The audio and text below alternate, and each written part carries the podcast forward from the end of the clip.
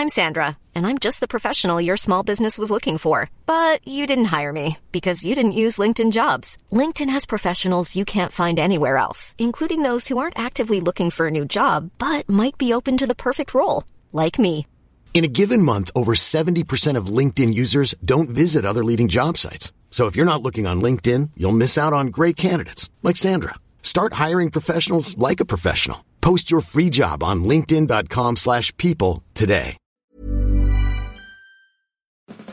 Ja, då vill vi önska er välkomna att kliva in i skåpets mysiga värld. Här är det både vassa armbågar och fluffiga knytnävar. Men i all vänskaplighet. Kan man säga så? Nej, det kan man inte säga. Vassa armbågar är det verkligen inte. Men jag tänkte mer att vi, jag ville mer säga att vi det är inte bara fluff eller fluff utan vi Vassa lite- armbågar när vi, när vi tycker olika. Ja, och slåss för Vi, ju inte, att få vi fram- kränker ju inte varandra. Jo då, jag ska börja. Men den här mafioso-rösten som vi hör nu, det är alltså Johanna Svanberg. Jag heter för övrigt Cecilia Blankens och den tredje personen, det är... Det är jag, Peppe Öhman!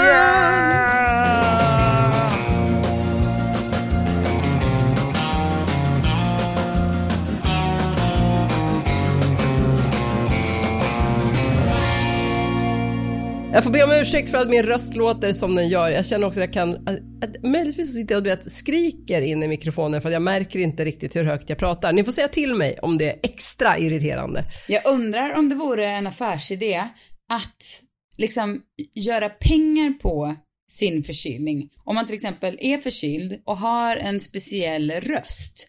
Att man då kan höra av sig till så här mafiosopatrullen och bara, hörru jag har en jävla bra röst just nu. Så kan man liksom ringa anonyma samtal och skrämma folk och sånt. Jag måste säga att jag tycker ofta det är ganska härligt att vara eh, hes. För att ja, min, min vanliga röst är så otroligt fånig och eh, irriterande.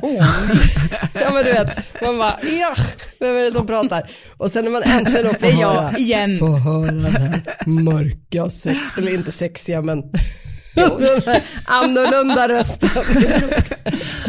det är härligt. Ja, jag tycker det är supersexy Johanna. Ja tack, tack. Snoret, du skulle se det, det är, det är läckert. På tal om sexigt. Mm. Peppe, du gjorde ju precis en intervju eh, om eh, gamla människor eh, precis innan vi spelar in nu. Ja, Som, så här är det nästan varje morgon. Jag gör en, en eh, podd som heter Vad vi vet idag som är, ja men det, den utkommer tre gånger i veckan och är bara fem minuter korta. Fe- tala med en expert i fem minuter och det kan handla om allt från Ryssland till prepping till eh, skolan och idag gjorde jag en intervju om äldres sexualitet. oj, Och eh, det var så spännande för jag kände också att jag egentligen, jag kände ett visst motstånd. Du måste också säga ett åldersspann på äldre för att vissa Ja. tänker redan här 40 plus. alltså, ja, 43-åringar är uppåt liksom. N- n- nej, men alltså det är ju, att du frågade är bra Johanna, för att det fanns liksom inte någon, alltså vissa, de yngsta var liksom mellan, alltså över, lite över 50. Det, alltså, och det var noga, det är liksom en bok som har kommit ut som handlar om det på baserad av forskning, och det handlar om att, att åldern inte är så kronologisk som vi kanske vill tro. Vi vill ju kategorisera in att så här är alla 30-åringar, så här är alla 40-åringar, så här är alla 20-åringar, så här, så här är alla 80-åringar. Men att eh, vissa människor, jag menar, är helt enkelt yngre än sin kronologiska ålder. Och, eh, men om man ska sådär stereotypisera så handlar det liksom om folk som var kanske närmare 80 då än 43. Och, eh, och det handlar om att, att sexualitet är en jätteviktig del med väldigt många människor som inte, som jobbar med äldre människor vill liksom inte, eller liksom kanske inte riktigt tar sig an det här, vill liksom inte se äldre som sexuella varelser, eller har inte liksom redskapen vad i menar sin du att de skulle yrkesroll. ta sig an Ja. deras Nej sexualitet? men inte fysiskt, herregud ändå. Men, men jag tycker att det är lite så jobbigt när, när liksom äldre vill ha liksom, för att vi, det enda vi ser Ja, men det är tycker man väl oavsett vilken ålder. Om jag vore sjuksköterska alltså åt en 20-åring så skulle jag tycka det var jobbigt om den skulle plötsligt börja ha sexuella Nej. behov som skulle Kanske behöva också därför du inte är hanteras. Nej, det skulle du verkligen inte tycka. Det är ju som att, alltså det är väl en helt naturlig grej, att om du är gynekolog så kan du inte bli chockad varje gång du ser en, en vagina liksom. Ja, men Nej, väl- men det är väl klart. Men jag, men jag förstår inte varför det skulle vara värre för den som jobbar med äldre människor. Det är det jag men för det mest enkelt menar. inte finns kunskap om att eh, och hur för sexualiteten förändrats, alla har liksom inte samma fysiska möjligheter. Och också finns det en uppfattning om att, att, att äldre människor också är mest heterosexuella, men det, det finns ju för att de kanske kommer från en tid där det inte var möjligt att leva ut om man är hbtqi-person, att leva ut sin sexualitet. Så man har kanske levt liksom i ett, en, ett heterosexuellt förhållande hela sitt liv och sen först nu när det, samhället öppnar upp lite för andra människor så kanske man vill leva ut sin riktiga sexualitet och det blir väldigt jobbigt för Ja men det är folk som inte, som har svårt att förstå det här som jobbar, eller kanske inte, kanske förstår det men vet inte hur man ska hantera det om man jobbar till exempel på ett äldreboende. Så det kanske också finns så praktiska problem på äldreboenden eftersom eh, man har ganska lite privatliv där om man är äldre och bor på ett sånt. Nu är jag verkligen inte expert men, på det här, ska säga, jag vill bara referera till den här, den här boken jag läste och intervjun jag gjorde. Men jag hade en kompis, eh, ja jag säger hennes namn, det var Miranda. Hon, när vi var 20, ish, jag vet inte, det kanske fortfarande stämmer, men nu är hon ju liksom 40 plus, så att jag antar, hoppas att hon har kommit över det, men hon var liksom så aggressiv mot tanken på att människor liksom över 50 låg. Hon, hon, hon, hon, ville liksom typ, det var liksom på nivån att det skulle liksom borde Kastreras. förbjudas. Ja, hon tyckte att det var Men hon hade kanske tanke. traumatiska upplevelser i, med sina föräldrar. Eller kanske. inte med. Har ni sett, ja. har ni walked in på era föräldrar? Nej, jag har, jag har skonats. Jaha, okej. Okay. Jag mm. har ett svagt minne av att när jag var liten bodde på hotell och att mina föräldrar hade sex i hotellsängen. Mm. Jaha, ja. Ja, nu sa jag det. Mina föräldrar har legat med varandra. Ja. Nej men, Nej men alltså, så jag tror också, jag vet, men så här, okej, okay, det som inte har någonting med den här intervjun som jag gjorde att göra, men jag kommer ju ut varje vecka med ett uh, nyhetsbrev där jag listar allt det bästa artiklarna jag har läst i veckan. Den heter, ja, det heter, man kan googla på Peppes nyhetsbrev finns på Substack. Och, eh, och du läste en artikel som handlar om hur speciellt manliga skräckfilmsregissörer jätteofta använder äldre kvin nakna äldre kvinnor som, och, som liksom det man är mest rädd för. Det är äldre nakna kvinnor i en källare eller i ett badkar som i The Shining liksom. För att det är, men typ det äckligaste de kan tänka på. Och eh, och det är ju otroligt sorgligt, men det säger ju också ganska, för jag tänker att vår kultur, det som vi ser, alltså den media som vi konsumerar, så är väldigt lite sexiga äldre människor, äldre människor som liksom har några fysiska behov, utan det är ju bara unga, vackra människor som ligger med varandra. Så ja, jag fattar att det finns mm. fetischer om man gräver lite ner liksom i någon slags uh, porrträsk, men sådär, liksom mainstream-kulturen. Då känner jag bara, jag har ännu en sak man måste liksom ta tag i och ändra på. Alltså för egen ja. del. Jag känner liksom, jag har liksom så lite tillit på att andra kommer göra det, så jag känner att jag hela tiden måste vara den som själv bara skiftar synen på saker och ting. Så det får bli jag. Och det ligger ju inte helt långt bort. Förlåt men så det får bli jag. Jag älskar den naturen, så det får bli jag. ja, någon, någon mer får gärna haka på, men jag tänker att ja. det är väl... Hur kommer du alltså, göra? Nej men jag vet inte, jag, jag har inte en plan. Men jag fortsätter ligga och prata om det tänker jag väl är basic. Ja. mm. Det är väl något sånt, något där vi kommer landa kanske. Mm. Vi får se. Men varför var det så skräckinjagande med nakna kvinnor? Är det för att det ska förstöra deras bild av, alltså när de väl ser en yngre kvinna igen, att det, det, kommer, det kommer vara liksom så traumatiskt att de alltid kommer se den äldre framför sig? Eller varför? Ja, men jag tror det. Jag tror att de bara, alltså, de... Eh, ja, men för dem är det verkligen traumatiskt att se att kvinnor kanske inte har jättestora och fasta bröst hela tiden, för det är det som är mm. sexuellt.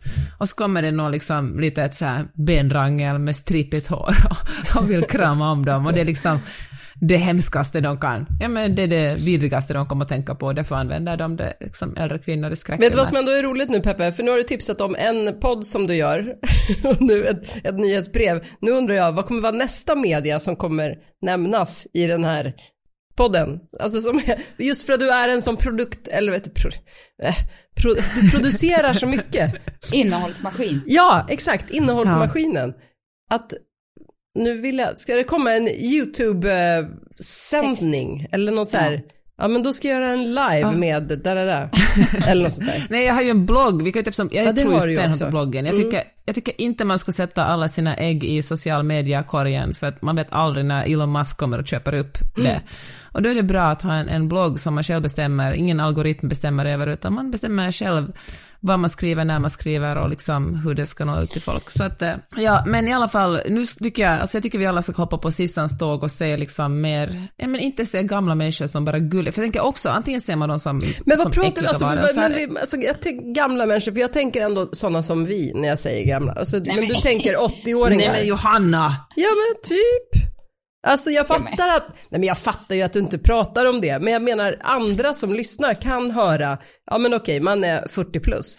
Alltså för att, Ja, men det är väl vi- uppenbart att människor 40 plus ligger och då tänker jag Ja, spola jo, 20 visst. år framåt i tiden och vi gör en podd på samma ämne, då kanske man är i den fasen, alltså, ja men det är väl Mm. uppenbart att kvinnor 60 plus ligger. Alltså, det, det kanske man bara inte Mm. eh, tror. Nej, liksom. vi, vi, om vi snackar om 80-åringar, alltså jag tänker om du nu ska Ja. vara en som ändrar synen på det här, det är ändå Mm. några år kvar tills du kan göra det. Ja. Eller du menar att du börjar redan nu med att, Ja då. Men jag Mm. har väl redan börjat. Är inte jag liksom, är inte jag den s- starkaste förespråkaren för eh, logistiken som eh, Dita Zackari har Ja. eh, kallat det? Logistiken Blankens. Ja, ja visst. Jag tar den. Mina barn älskar, Ja. kommer älska det. Nej, men det, det är en annan sida av det myntet. När ska man börja liksom snacka med det här om sina barn? Ska man det eller ska man inte? Jag kan tycka att det är ganska spännande i så här Vadå, om vad? väldigt- Sex. jaha, överhuvudtaget? Nej men jag menar de kommer väl själv en vacker dag vara där. Och ska man då vara så här, aha, har du gjort det? Alltså ska man liksom, Gjorde du det med din vi- mamma? nej jag kan inte tänka inte. mig något som jag mindre ville Nej, prata om Nej. sånt med mina men föräldrar. jag kanske borde ha gjort det, kanske inte med min mamma, men, men någon i alla fall, vuxen person. Fast det är väl det man har kompisar till också. Ja, eller inte. Alltså jag, ja, absolut. Jag menar inte att jag vill verkligen inte veta detaljer så. Det, det, men jag menar mer liksom så här, du vet att det kanske kan vara bra att så gå igenom så här, "Jaha, men hur kändes det och vad, liksom, Ja. vänta, var jag verkligen redo för det här? Kändes det bara, eller liksom, Ja. jag vet inte Men jag vet, alltså, nej men jag har också funderat på det där, men jag tänker liksom, för att jag tror att vi som föräldrar, alltså våra generation, vi har ehm, på många sätt, eller många av oss i alla fall, ett närmre förhållande till våra barn och man, man ser med sig själv mer som kompis kanske, eller vet, man, ja, det är, Det är färre lika- gränser. Ja, Ja. Nej, det är inte lika liksom uppdelat, Vuxenbarn, tycker nej. jag. Nej. Men däremot så gör ju det också att man ibland kanske trampar över gränser som man inte, nej, precis. Men det är lite det jag menar. ja. Men man kanske bara får hålla öppet och se om de vill så kan man göra det såklart. Mm. Men man ska väl kanske inte bara, okej nu borde jag ge mig på det här och snacka Nej. med dem. Nej, eller borde man det? Alltså så att jag menar inte att jag ska, liksom vill inte veta detaljer och sådär, verkligen inte. Men jag tänker att eh, man, man lämnar, ju- när man inte säger något så lämnar man ju ingen dörr öppen, då har man ju lämnat dörren stängd. Så man Mm. kanske i alla fall Ja. behöver liksom ta upp ämnet så här, alltså ja, en vacker dag ska ju du också ha sex och det, alltså jag vet inte riktigt, men jag menar Mm. att man bara är lite så här chill med det så att det inte blir, Exakt det, jag tror att det, att man är chill med det, för jag tänker att min mamma var väldigt tydlig, och min pappa för den delen också, men att det inte var, den dörren var låst liksom. Ja. Det fanns ingen, Mhm. ingen, det stod, På vilket sätt var de tydliga Och, med det? för att de inte pratade om det alls. Men det är det jag Alltså- menar, och det kan ju vara så att man är chill med det, men det tolkas som att den dörren är låst Ja. när man inte säger något, fast man egentligen går runt och är chill bara. Det kanske våra föräldrar också var, de kanske var så chill så det var inte klokt, men vi tolkar det som bara, det här får du, det här pratar vi inte om. Mm. Sen tror jag, sen har jag, alltså för jag pratat om det här med några andra kompisar som har äldre barn och eh, liksom lite äldre tonåringar och de klagar på motsatsen att deras barn berättar liksom lite för mycket. Att det är liksom lite för detaljerat om sexliven, och se- deras, liksom barnens sexliv. Alltså nu tänker jag barn som är i närmare 20 och eh, hur eh, föräldrarna känner mest sådär att "Ugh, det här är liksom, för, jag vill inte veta om exakt vilka ställningar ni har testat på. Nej men gud, nej Och, gud vill eh, jag inte veta heller, fy. Och en annan, en kompis berättade hur hennes dotter som då var liksom, ja men tonåring, satt, de satt allihopa i bilen och uh, pratade om något annat och sen den tonåringen bara så här plötsligt att men när man har sex måste man verkligen slicka den andra rumpan för jag tycker att det verkar jätte, jätteäckligt. och, och, och jag menar det är ju, ja, det är ju en eh, fråga som, som man är oförberedd på att svara på faktiskt. Ja, och det är därför jag menar man behöver kanske prata om det. Lite mer, alltså jag kan ju inte gå runt och tro att jag är chill och sen hålla, hålla käften. Då, Nej, det är precis. inte Men man kanske signal. kan också eh, s- vara lite smooth och inte prata om alltså själva barnets, vad den håller på med. Nej, eller, vet, precis. sådär, utan Nej, att man just det. istället så här, okej, det finns uppfattningar om att man ska göra det här eller och att det går till så här. Men, Mm. alltså du vet, när Ja. man pratar mer generellt kanske. Får jag säga, ni som lyssnar, om ni har, ehm, ni kanske har äldre barn eller ni kanske har någon supersmart eh, erfarenhet eller tips om det här som ni vill dela med er av till oss och som vi sen kan dela vidare så kan ni alltid eh, skicka DM till oss och bara, jag vet inte, det kan väl vara om ni har någon egen tanke eller erfarenhet som har, ja, som ni tyckte funkade eller vad det nu kan vara, eller som inte funkade, vad vet jag. Det är ändå, Eller en skräckhistoria, tycker vi alltid ja, om att höra. skräckhistoria. Mm. Ja, det vill man ju höra. Men eh, jag tänker också att det finns eh, bra, alltså om man börjar jättetidigt, alltså min dotter är ju bara fyllde nyligen sex och hon har en, eh, hon har en klasskompis som hon gillar jättemycket och han, eh, och han gillar henne så mycket att han vill pussa henne hela tiden och hon vill ju bara liksom hänga med honom, hon vill inte pussa. Så jag tänker det är ett jättebra sätt för henne, vi pratar mycket om att hon kan säga stopp, att han, ingen får pussa henne om hon inte vill det. Jag var nästan så här, alltså både lite arg på det aset som vill pussa henne, men också glad över att eh, den här, men kunde prata om det, att hon bara säger att han har verkligen no business att eh, röra henne om hon inte vill det. Det är som svenska barn får lära sig med stopp min kropp. Ja, eh, precis. Stop my body. Han är så rysk den här pojken. Inte riktigt Njet. samma. Vet du vad, det, det enda ordet hon kan på ryska är faktiskt njet. Njet. Så det är ju, Viktigt. Hon har behövt lära sig Ja. det the hard way. ja. En rysk fastklistrad, en liten rysspojke fastklistrad. till kroppen. Vad säger ryssarna i USA förresten om allt som händer med Ryssland just nu? Ja, ja, de, eh, jag har försökt fråga lite försiktigt. De säger ju alltid att de kommer från, typ sådär, de kommer inte från Ryssland, de kommer från Moskva.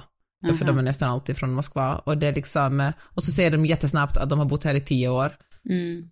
Eh, Eller jättelång tid för att, eh, och, men det, det, det finns en ukrainsk, ett ukrainskt barn också på Miley's klass och de, eh, och det är lite kyligt upplever jag mellan den ukrainska mamman och den ryska mamman. De vill, jag vet inte om det är personligt eller om det, om det är liksom något annat, men de tycker om att snacka lite illa om varandra. Man kan dem. absolut förstå att det inte blir helt lätt, den relationen. Ja, vi sålde vårt hus i Farsta till en eh, familj från Bosnien.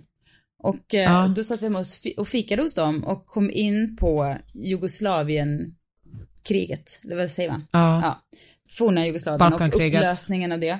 Och hon berättade om, det här liksom är ju sånt man själv kanske inte fattar, men hon kan fortfarande liksom, det är så, mång, så många, det var det är som trauma för henne såklart, på 90-talet flyttade hon till Sverige, så många familjemedlemmar som har blivit dödade och sådär. Så hon kan inte, när hon liksom, serber i Sverige, det är liksom, det är frostigt. Mm. Hon, hon kan inte liksom, nej, det, det är inte, hon, det sitter i och det kan man ju absolut förstå för att det är klart att det inte var den personen som eh, var personligt ansvarig för att det blev som det blev, men man kan förstå att det blir symboliskt såklart blir så. Jag tycker man hör i varje dag och på all överallt så här, oj världen just nu och det är mycket och det är det ena med det andra, mycket som händer och eh, så är det ju absolut, men eh, så har det ju också alltid varit, alltså sen händer det ju, kokar det ju till sig lite extra mycket då och då, men vi lever ju med allt som händer på ett helt annat sätt nu för tiden. Innan kollade man på nyheterna klockan nio på kvällen och fick sin dos väl vald då man kanske läste tidningen och däremellan fick man vara fredad liksom. Men så är det ju inte för oss. Vi får ju panga ju på med liksom, det är klimatkris, det är, det är liksom Donald Trumps eventuella Mm.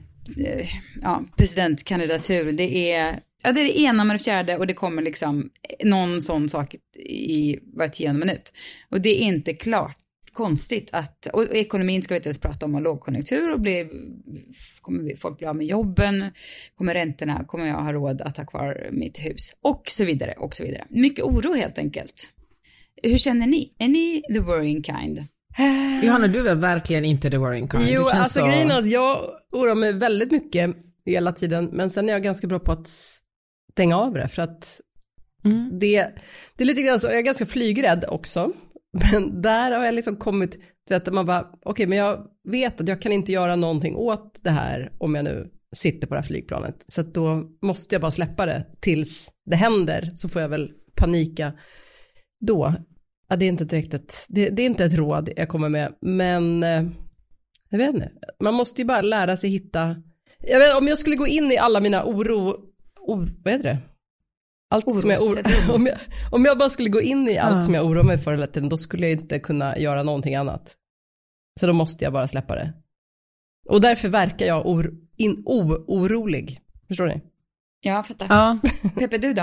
Nej, Men jag tror att jag är ganska o orolig. Jag är kanske är för dum för att oroa mig, eller så är jag för...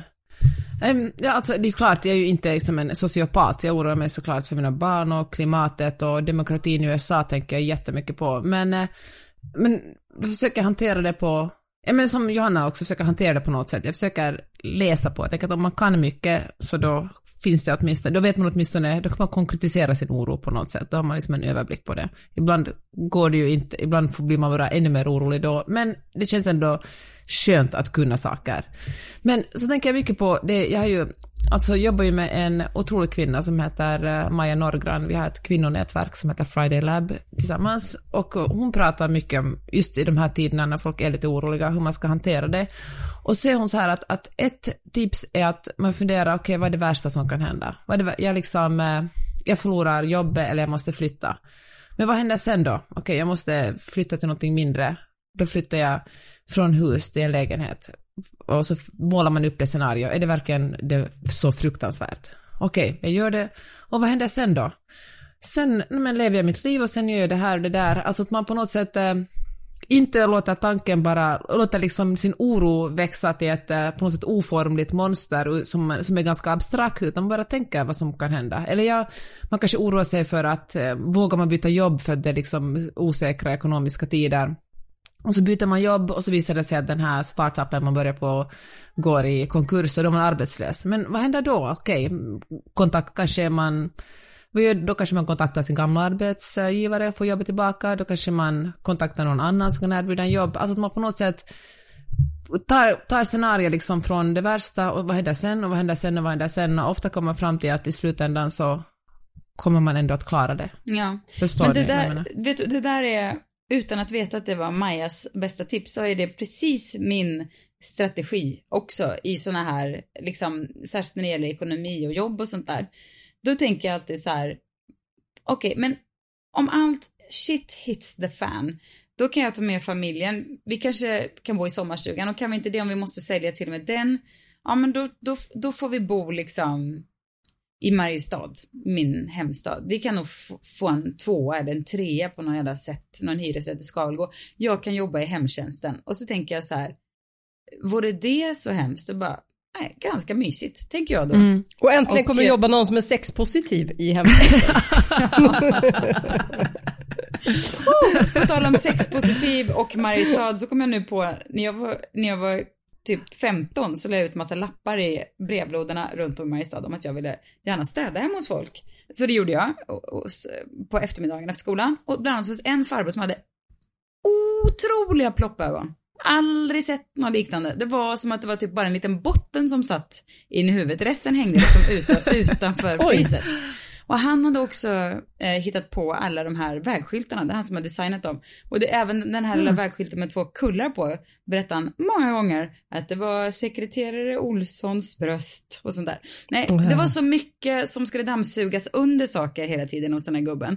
Det skulle ligga så bara, tar du lite lä- längre in under soffan, fick man ligga på knä och hålla på med en jävla dammsugare med röven upp i vädret. Och det, det var ju, ehm, eh, ja det fattar man inte, men det var ju lite, det var inte kul, men han gjorde ju ingenting så, men det var ändå lite, det var ju, ja det var jag bara, minnet kom tillbaka. Han var en sexpositiv man som passade på och glöttade lite på den spänstiga Eller- städhjälpen. Eller var han bara en snuskgubbe? Ja det kanske han var, men vad ska, vad ska man, han, han gjorde ju liksom. Jag tror ja, inte ens att han hade formgett de där eh, vägskyltarna. Det låter Det låter 100% hittepå att han hade gjort. Nej! Nej, nej, nej, men han har det alltså. Han hade det. Det var inget, det fanns uh, artiklar, jag till, tror jag till och med intervjuade Ja, honom okej. sen när jag jobbade på lokaltidning, för han fyllde 80 eller något sånt där och skulle firas. Mm. Jo då, han var liksom, det var Mhm. han. Mm. Eh, Men det var i alla fall, eh, ja jag vet inte, han kanske också var en man av sin tid, han kanske inte ens tänkte att det var så här, ja, det var väl standard. Mm. Ta sig en liten glött när man kunde. Men skitsamma. Jag tänker att eh, det där att ha en sån där plan är genialiskt alltså. För att det är liksom, man blir både modigare, man vågar liksom lite mer, så här, kasta sig ut, prova ett nytt jobb, starta ett företag, Mm. sådär. När man tänker att så okej, det, det kan gå åt helvete, förmodligen inte, men det kan det. Och då finns den här planen. Men man blir också lugnare för att man vet att det finns en plan. Ja. Men sen kan man ju, men det tycker jag det var bra som du sa, man kan ju också se bakåt, de gånger man har gjort någonting modigt, när man har bytt jobb eller, eh, eller liksom vågat flytta eller fråga någon eller sagt att man gillar någon som man gillar. Gud låter som Bullen, kommer ni ihåg? man bara, relationstips här. Nej men, men alltså, och ska vi tänka tillbaka, hur illa gick det egentligen? Någonting som man var supernervös över eller stressad över. Och hur gick det sen liksom? Och sen kan man ju konstatera att man fortfarande är en någorlunda fungerande människa Ja. idag. Jag tycker också generellt man kan tänka, det här tycker jag också är en tanke som ofta känns mysig att ha med sig. Eh, Om man tänker på hur mycket som skulle kunna gå åt helvete bara genom att gå till Coop. Alltså av alla de saker man Ja. oroar sig för. Man skulle kunna få liksom ett träd i huvudet, man kan halka, man kan bli påkörd, det kan komma en meteorit, eh, det sug, slukhål, nej men man får en istapp i huvudet, eh, liksom. Det är mycket som kan hända bara en vanlig dag. Alltså så många, det, det är så många saker som, sku, som har ihjäl folk, liksom utspritt över tid, som skulle kunna hända. Som inte händer, dag efter dag efter dag efter dag. Och så är det ju lite med liksom alla nyheter och hemskheter också. Att det är många saker som man säger, ser det här skulle kunna hända, och som sen inte händer. Utan det blir någon liten variant, det kanske inte blir toppen, men det, det blir ändå så här ganska fungerande på något sätt. Sen har jag också, och det här är kanske mitt absolut bästa eh, knep. Jo, men precis framför mig när jag vaknar har jag satt en, en tavla, en poster av Jan Stenmark inramad. Och eh, på den sitter det två så här deppiga typer och tittar ut över någon så här, ja, natur eller vadå. Och så sitter en eh, och säger så här, one day we will all die. Och så säger den andra personen, all the other days we will not. Och det är liksom min första syn varje morgon. Och det, det låter så otroligt löjligt. Men det är, alltså om man ska vara så här, eh, du vet, Instagram, eh, fake, eh, liksom self-carig, så är det ändå så här att sätta sin, liksom, intention for the day. Ja, men precis. Ja. Så är det fan en bra intention Precis. att bara ha med sig att så här, ja, men det kanske inte blir idag, eller så blir det det, men det vet vi inte något om, så lev som om det inte vore det. Jag, Det är som jag på ett så- flygplan. Ja, det Så är som länge du. planet Ja. inte har störtat så har det inte störtat. Nej, men ekonomisk oro då? Vad gör man med den? För den är inte så kul. Åh gud, den har, vi, den har jag levt med många år. Ja. Alltså, fy fan vad det är hemskt. Alltså, och det är så lätt att säga, men oro är det inte, men om man verkligen har en ekonomisk oro, är det, ja men det, ja men då tröstas man inte av någonting annat än att få en stabil ekonomi. Det kan verkligen genomsyra mycket. ja. Och hur hanterar du det då? När du har känt så? Uh, men jag har ju det är bra för vi är ju två stycken i mitt äktenskap och det, det hjälper ju att vara två stycken. Hos oss är det också att den ena är oroad, då blir den andra extra lugn liksom. Så att uh, då kan den ena, och det kan verkligen så variera, det är inte så att jag alltid är orolig eller Magnus alltid är den som är lugn, utan det verkligen hoppar från en person till en annan. Och det, ja, det att vara två, det är ju inget råd precis att, att tvärtom är det ja, det var inget råd att gifta sig precis. Men eh, det, just i mitt fall har det lugnat sig. Och sen när jag ser tillbaka fattar jag att det löser sig. Det, fan, det löser sig alltid på något sätt. Och kanske också ur ett så här frilansarperspektiv så tycker jag det är väldigt Alltså jag hittar någon slags trygghet i att därifrån man minst anar att det ska komma ett uppdrag eller något annat kul, så kommer det. Det dyker alltid upp någonting. Ja. Och också det kan vara, för jag, kan, jag är, jag vet inte, jag är, har liksom alltid haft en ganska så här respektlös inställning till pengar. De, de liksom, de bara nuddar kontot, sen har de växlat in dem till något kul. Det har liksom så mitt liv har sett ut sen jag tjänar de där liksom pengarna på... Dina första miljoner. Ja, Under ja, soffan. skojar. När jag städade under plopp- ploppögegubbens soffa. Det växlade snabbt in till en tågluff och sådär. Ja men så har jag hållit på jämt liksom. Eh, och eh, jag har bara lite den inställningen att det, alltså nackdelen är, det, jag har inget fett sparkonto, men fördelen är, jag har in, aldrig lagt speciellt mycket tid på att bekymra mig för pengar. Och på något sätt är ju pengar lite så här, de gillar lite respektlöshet. Så tänker jag att det ofta är. De vill inte bli Ja. tagna på för stort allvar. Fast det är också så lätt att säga såklart. Alltså, men jag har inte haft den där, alltså vet när man eh, lever liksom från krona till krona sen jag var ung och började jobba precis. Men då var det så lätt att anpassa sig ju hela tiden. För då hade man bara sig själv, Ja. man hade inte en hög hyra, man hade ingenting. Det Nej. är ju en annan sak när man väl Det har det barn ju. och ska skaffa kläder och mat. Och, verkligen. och Verkligen. det har jag verkligen och, ingen erfarenhet av. Nej, och om man är ensamstående och sådär. Jag, Ja. Det förstår jag såklart. Jag menar bara att det är ju något magiskt med pengar, att de, de är ändå liksom, det är verkligen en sån sak som oftast ändå brukar lösa sig. Sen finns det ju de som liksom ganska medvetet sätter sig i skiten och där, ja, där får man, alltså jag menar, du vet, spela, spela bort pengar eller vad man nu liksom lyckas fippla bort det. Det är ju liksom en annan sak, men ja, jag vet inte. En nyskild eh, kvinna som åker på liksom ökad ränta i det här läget just nu. Nej, det är inte kul. Men det finns ju någon slags fördel i att det finns ju på många sätt man kan spara pengar nu. Alltså man kan köpa barnens kläder på Sellpy för en tiondel av nypriset och så vidare. Alltså det finns ju ändå möjligheter att dra ner på sånt som man inte kanske hade riktigt samma tillgång till för bara några år sedan. Som kan påverka. Mm. Eller att man äter mer vegetarisk mat. Alltså det finns sådana där saker, justeringar man kan göra som ändå håller nere eh, kostnader.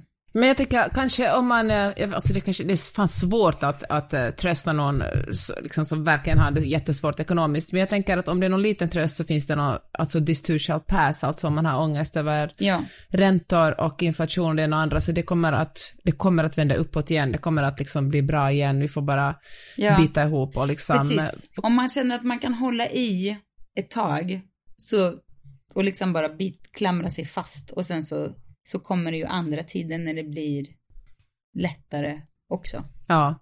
Och jag, vet inte, jag Verkligen. menar inte att jag är så här bara, inte liksom har respekt för pengar. Nej. Jag, jag menar inte att jag liksom skiter i pengar, för det, jag bara, det är bara inget som, det är sällan det kommer åt mig. Och det säger jag inte för att jag liksom har det bättre ställt nu, för jag har, kommer verkligen inte från pengar. Jag bara, jag bara inte har den relationen till pengar, att det är något som... Det som, nej, vet du vad, jag tycker det är ganska skönt. För det som kan göra mig alldeles rabiat är när folk är, som är, har mycket pengar och sådär, men spara in, köp inte den där extra latten och lägg de pengarna istället på aktier eller, Ja. eller alltså det provocerar mig otroligt mycket. Alltså det är inte så man blir rik på att inte köpa latten eller liksom, eller att, utan eh, man blir rik på att eh, ha rika föräldrar. Alltså ännu mer i USA men också i, i alltså det, eller ha lite tur i livet. Eh, Ha lite, Ja. vadå? Det Man ska vara väldigt skicklig om man ska lyckas bli rik på att inte köpa latten. Å andra sidan så Ja. tycker jag att man sparar Ja. ju rätt mycket pengar på att inte köpa latten, fast man blir inte rik på det. Nej. Mm. Men jag kan bli extre- alltså jätteprovocerad av liksom, du vet, välbärgade människor, för det är ju ändå de flesta om man jämför ett världsligt perspektiv i Sverige. De allra flesta ändå liksom lever, har det väldigt bra. Eh, Och sedan så nej men gud, jag har inte råd med, jag har inte råd med, ehm, ja, vad det nu är, de känner att de inte har råd med, latten. Eller vad det nu är, liksom, du vet, som, som blir liksom, känner sig lite drabbade så. Och sen så när man bara krafsar lite på ytan så visar det sig att de så här, de sparar ju 7000 kronor per Ja. månad och det finns ju liksom Verkligen. en resa, Mallisresa bokad i februari. Alltså, du bara, men du har, det, du, du lider inte. Du, man måste inte, alltså man måste inte kunna spara jättemycket varje månad. Det är liksom, det är väl härligt när man kan göra det, men det är inte, nej jag vet inte. Folk har någon, ibland kan jag känna att folk har någon konstig, alltså väldigt eh, så nervösa för pengar på ett sätt som kanske inte är helt liksom, kopplat men det är väl att man har en drömbild av att så här vill jag ha det. Och när det inte är så, så blir det obehagligt. Alltså man är Jo, men då får för... man kanske bara ta och steppa ut från den bilden lite och inse att det Ja. inte är så farligt och gå inte runt och oroa dig för att du, inte, för att du får, bara kan spara 5 000 den här månaden istället för 7 000 som du brukar. Jag menar, mm. då får man bara kliva ut från sin egen värld, bubbla lite och tänka att så här, ja men jag, jag klarar mig. Ja, slutar det nu men vi skulle ge som en peppig oro, det blir som att jag skällde på alla som oroar sig istället. Så. Det är så vi gör här i skåpet. Det kan ja, bli vad som helst. Ja. Man öppnar dörrarna och sen så kommer det något man inte kan ana. Eller vet. Exakt. Tre fröstycken. Men för, för också fortsätta bara det här med oro, då tycker jag två saker, andra saker som hjälpt mig, förutom det här att tänka att så one day we will all die och all the other days we shall not, så tycker jag att information, alltså min klimatångest som jag hade förr i tiden, som jag tycker är ett larvigt ord och begrepp, för det är liksom är bara en förlamad situation.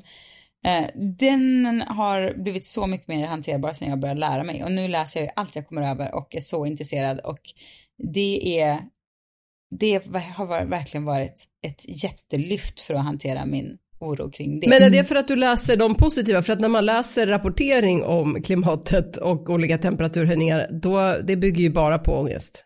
Ja. Men du menar att du fokuserar på ja. de bra sakerna? Ja, men jag, jag tror, alltså jag menar inte, jag, jag, jag fokuserar mer på att lära mig liksom.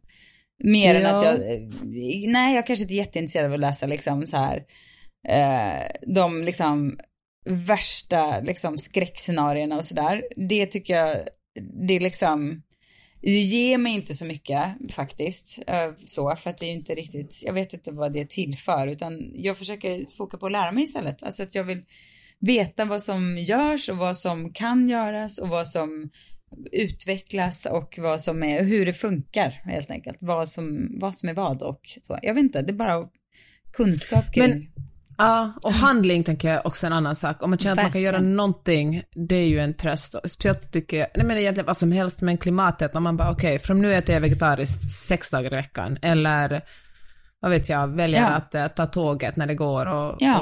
och, det är så små saker, men jag tror det tröstar en själv lika mycket som man är en liten del i en hel värld som håller på Men för det där tycker jag ändå är den värsta sortens ångest, för när den är, eh, när den är global, att det finns att ja. det är för stort för att man själv, alltså för att om det gäller mig själv, då finns det så mycket som jag kan göra åt det direkt och bara hantera. Och jag, alltså jag personligen är en sån som bara, jag låter inte saker ligga, jag, jag fixar det liksom. Men just den där sortens ångest är ju det svåraste. För att det... Ja, men jag tänker samtidigt att om man gör, jag tänker så att jag är så otroligt ounik om jag gör någonting och tänker på ett sätt, då representerar jag miljoner människor som tänker på samma sätt och gör ja. samma mm. sak som jag. Alltså sen fattar jag att just jag bor ju i USA där folk delvis är helt jävla dumma i huvudet när det kommer till klimatet, men det finns jättemånga som inte är det och det kanske till och med är fler. En sista tips, att sätta en tidsram för sin oro. Att man är så här, man kan så här, okej, okay, nu klockan sju får jag älta det här, sen måste jag bara släppa och tänka på något annat. Man kan styra det där eh, mycket mer än man tror. Jag känner en som ofta oroar sig för pengar. Och när hon, och oftast så sker det liksom på kvällen eller när hon är trött eller på natten som vaknar och bara Åh. Så hon har bestämt att jag får inte tänka på pengar efter klockan tio på kvällen. Nej. För, då, för att det är då man kan gå in i oron på ett annat sätt. Då kan ja. man bara, okej okay, men imorgon bitti klockan åtta, då kan jag börja tänka på det igen. Men nu får jag inte.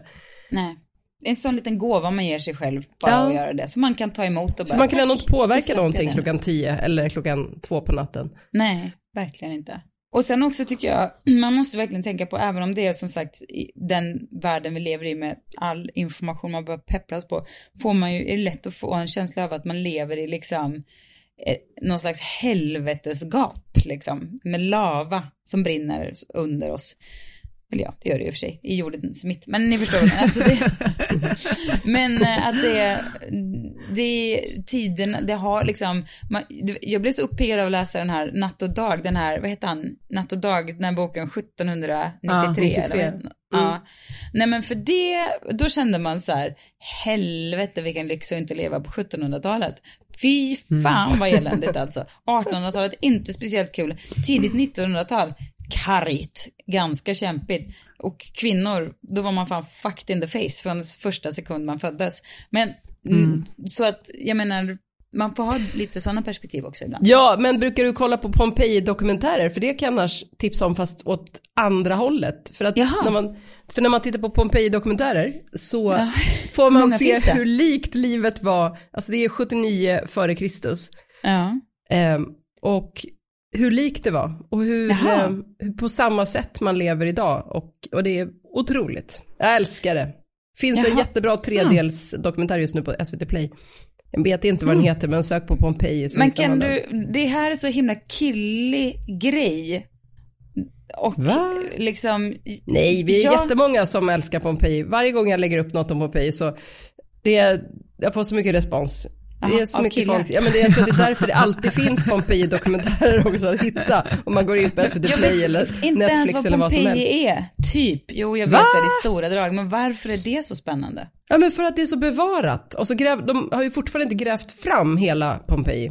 Om det är någon som mot förmodan inte vet vad Pompeji är så är det alltså en stad som ligger eh, vid foten av Vesuvius, alltså vulkanen i Italien. Jag har bara I, olika pizzor framför mig nu. I närheten av Neapel ligger den. och Ja, eh, den, det var då ett vulkanutbrott som eh, täckte staden med oska, nej men så här, med aska heter det.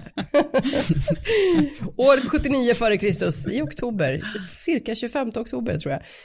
Tänk om jag säger fel nu för att min hjärna är helt död, att det är 79 efter Kristus, men jag tror att det Det är är 79 som före. drunk history fast mm. Ehm, flu history. och då så täckte, alltså folk kan inte därifrån för att de kunde inte tänka sig att det här skulle ske. Utan de kanske gömde sig in i sina rum ihop med sin familj eller de satte sig i något skjul och sådär. Och sen De så oroade sig inte. Nej, Nej, det gjorde Nej. de inte. de hade nog varit lite oroliga men de tänkte det här går över för att det gör det alltid. Och sen så satte de sig där och sen så, ja, sen gick årtusendena. Och nu så kan, vet, de krattar fram och de kan eh, få fram, du vet, nej men har du inte sett det, du måste titta. Det är otroligt, älskar det. Men kan du berätta hur det är så likt då? På vilket sätt? Ja men för att Dels för att det är, du vet det är så mycket detaljer som har bevarats. Man kan hitta så gamla snabbmatsrestauranger där man kan se i amforerna som är bevarade så kan man se, okej här fanns det olivolja, här i fanns det, här de åt eh, sjöborrar och, och sånt där.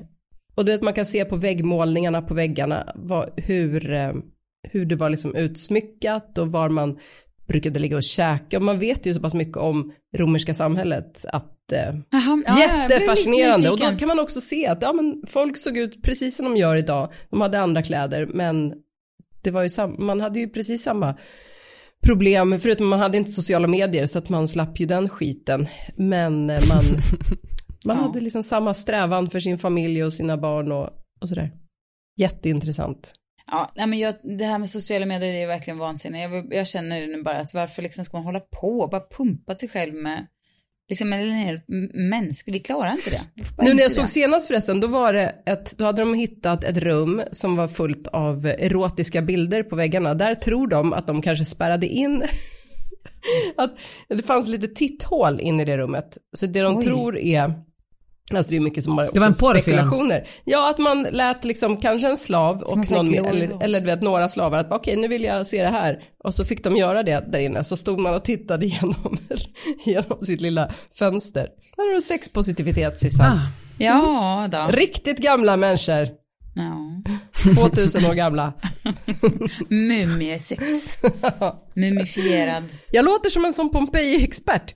Ja, alltså jag har aldrig, eller sällan hört dig tala så här passionerat om någonting, Nej. Hanna. Det, Jag vet, men det är för att min hjärna, det är perfekt nu för min hjärna att tänka på sånt här. Men det är också så här, vi är många som har fått den här besattheten av Pompeji för att det fanns en, eh, ett barnprogram i Sverige på, måste varit 80-tal, en gubbe som hette Hatte Furuhagen som var och besökte Pompeji och pratade om det här. Och jag minns så väl när han i slutet av programmet så skakade de, du vet så här på gammal, gammaldags manér. De skakade på kameran och bara, och det finns ingen som säger att det inte kan hända igen. Typ, och man bara, woo, nu, nu blir det vulkanutbrott på Hatte. Ja, så spännande. Nej. Jaha, ja. Ja, Ja, det var ju spännande information. Jag blir sugen. Jag kanske Ja. kollar.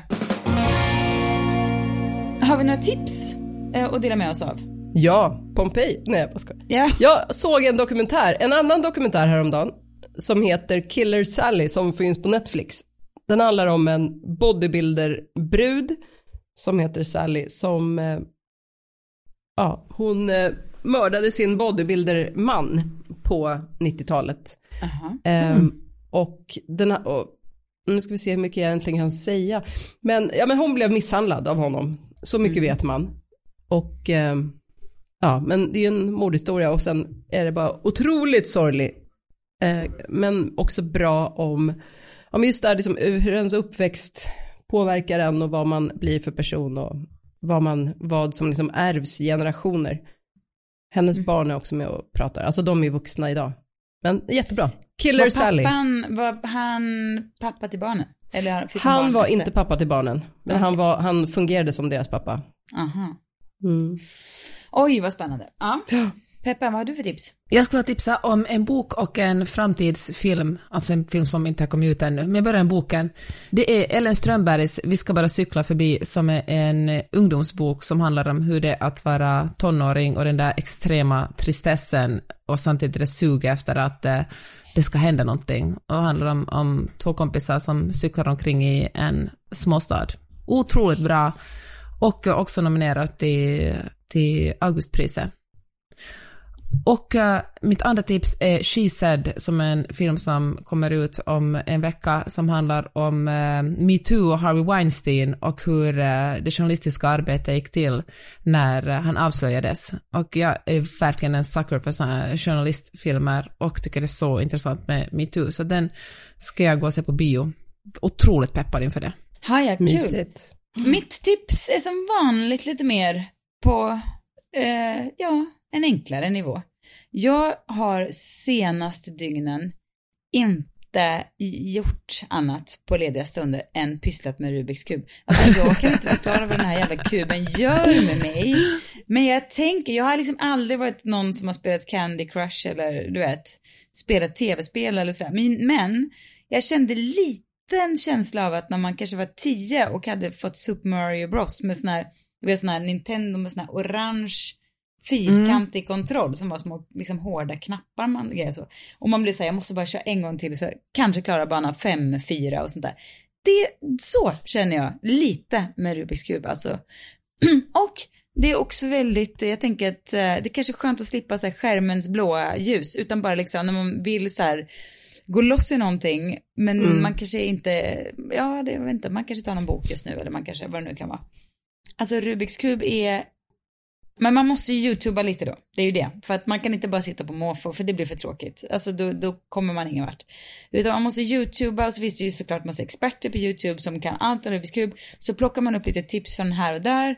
Jag har fortfarande inte löst den jäveln, jag har sista översta laget kvar. Men jag ligger liksom på kvällarna nu, eh, påpälsad i sängen och har det så mysigt. Och så kör Rubiks kub. Och jag sitter också framför brasan med Rubiks kub. Jag kör mycket Rubiks kub. Det är så... Ja men det måste ju vara lite grann som att sticka, att det är liksom ett handarbete där exakt. huvudet bara får koppla av och tänka på något annat. Ja, Men exakt så. våran, våran, eller min kompis, du inte känner också, Victoria, hennes son, eller även söner, de har ju hållit på något extremt mycket. Jag har aldrig sett folk som löser Rubiks kub så snabbt. Och de, alltså jag vet att åtminstone den yngre, vet, han önskade sig ju bara olika Rubiks kub-grejer när han fyllde år. Jag, kanske gör han det fortfarande, nej kanske inte. Är det Men, sant? ja men du vet det är så Ja. mycket Rubiks kub, det, var, det gick på tre sekunder när han skulle eh, Men Sissan, lösa. du kan väl lägga ut lite Rubiks kub-content på skåpets Insta så vi får se hur den ligger och myser och hur långt du har kommit. Ja. ja, det kanske jag gör. Ni ska få se.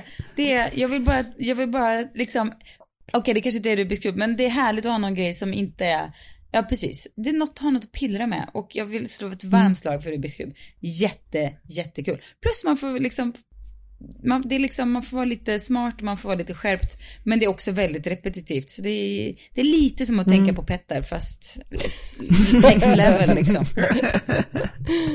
Hörni, och med dessa ord drar vi igen luckan till skåpet. Tusen tack för att ni har lyssnat.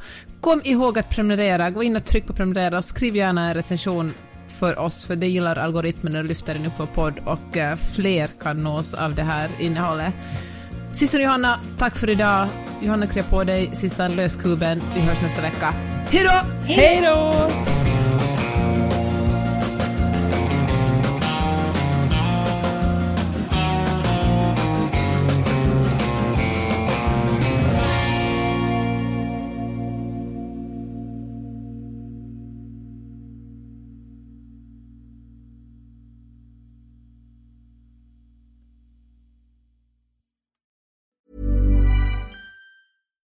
Flexibility is great. That's why there's yoga. Flexibility for your insurance coverage is great too. That's why there's United Healthcare Insurance Plans.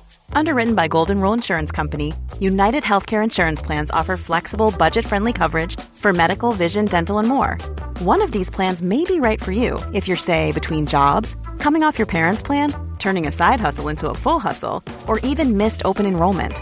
Want more flexibility? Find out more about United Healthcare Insurance Plans at uh1.com. Hey, it's Paige DeSorbo from Giggly Squad. High quality fashion without the price tag. Say hello to Quince. I'm snagging high-end essentials like cozy cashmere sweaters, sleek leather jackets, fine jewelry, and so much more. With Quince being 50 to 80% less than similar brands. And they partner with factories that prioritize safe, ethical, and responsible manufacturing. I love that. Luxury quality within reach. Go to quince.com slash style to get free shipping and 365 day returns on your next order. Quince.com slash style.